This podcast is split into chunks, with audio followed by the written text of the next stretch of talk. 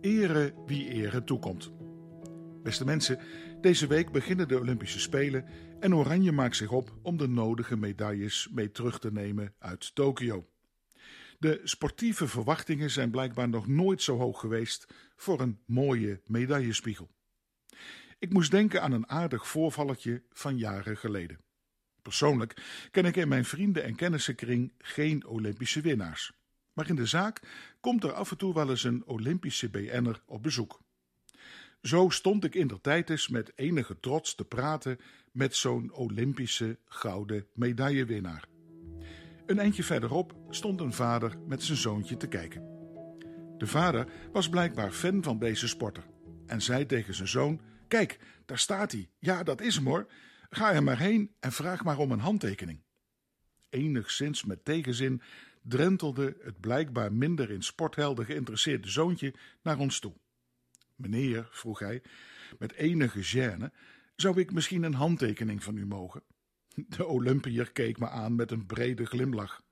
En ik was er ook even stil van, want het jochie vroeg het namelijk aan mij.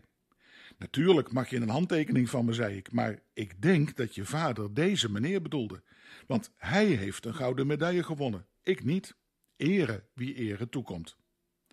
Het jochie drentelde weer terug naar zijn vader, die met een meewarig, steeds roder hoofd de gouden handtekening in ontvangst nam en snel de zaak verliet.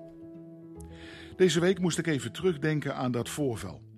Toen ik bij die verschrikkelijke beelden van het wassende water in ons land, maar nog erger in Duitsland en België, toen ik naast al dat leed ook vooral de solidariteit van zoveel mensen zag om elkaar te helpen. Mensen die een medaille zouden verdienen volgens mij, maar die veelal niet in het nieuws komen en waarvan geen medaillespiegel gemaakt wordt. Technisch, waterbouwkundig gezien, wordt er dan gesproken om de rivieren meer ruimte te geven, meer vertakkingen te maken en een bredere uitloop. Maar in de samenleving zelf is die sociale vertakking er blijkbaar wel, in tegenstelling van wat er zo vaak beweerd wordt. Op heel veel plaatsen, en niet alleen bij rampen zoals deze, blijkt er in de samenleving een veel bredere veerkracht te zijn dan waar de schijnwerpers van de aandacht zich vaak op richten. Soms zijn het ook zelfs mensen achter die grote namen die een grote anonieme rol speelden.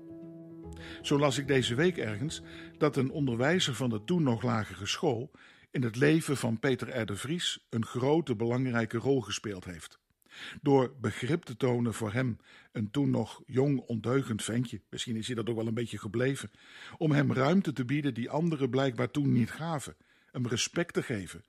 Toen, in tegenstelling tot nu, niemand dat nog voor hem had als dat kleine ventje. Zulke mensen, ook in het onderwijs en op heel veel plaatsen, zijn gouden medailles waard mensen. Ik doe niets af aan het plezier dat sport natuurlijk kan geven, om zelf te doen of om naar te kijken. En voor mij mag Oranje een prachtige medaillespiegel winnen. Maar voor mij zijn juist al die mensen in de samenleving, in dat brede netwerk om goed te doen aan de ander, als het erop aankomt, goud waard. Mensen die de ander de ruimte geven, aandacht, zorg. In een oude Psalm 46 lees ik dat te midden van een bruisende, kolkende wereld, vol geweld en onstuimigheid, letterlijk en figuurlijk, dat daarbij de rustig kabbelende beekjes in de stad een zegen van blijdschap zijn. Het is daar prachtig poëtisch verwoord, en het zegt juist dat in een roerige tijd een netwerk van rustige, verantwoordelijke mensen met oog voor elkaar een zegen zijn. Psalm 46 gaat eigenlijk nog verder en zegt dat juist daar iets ook van God voelbaar is. Daar woont God in hun midden. Beekjes, kanalen van zegen van mensen die in geloof, hoop en liefde en in medemenselijkheid een prachtig netwerk vormen in de samenleving. We hebben ze brood nodig. Ere wie ere toekomt.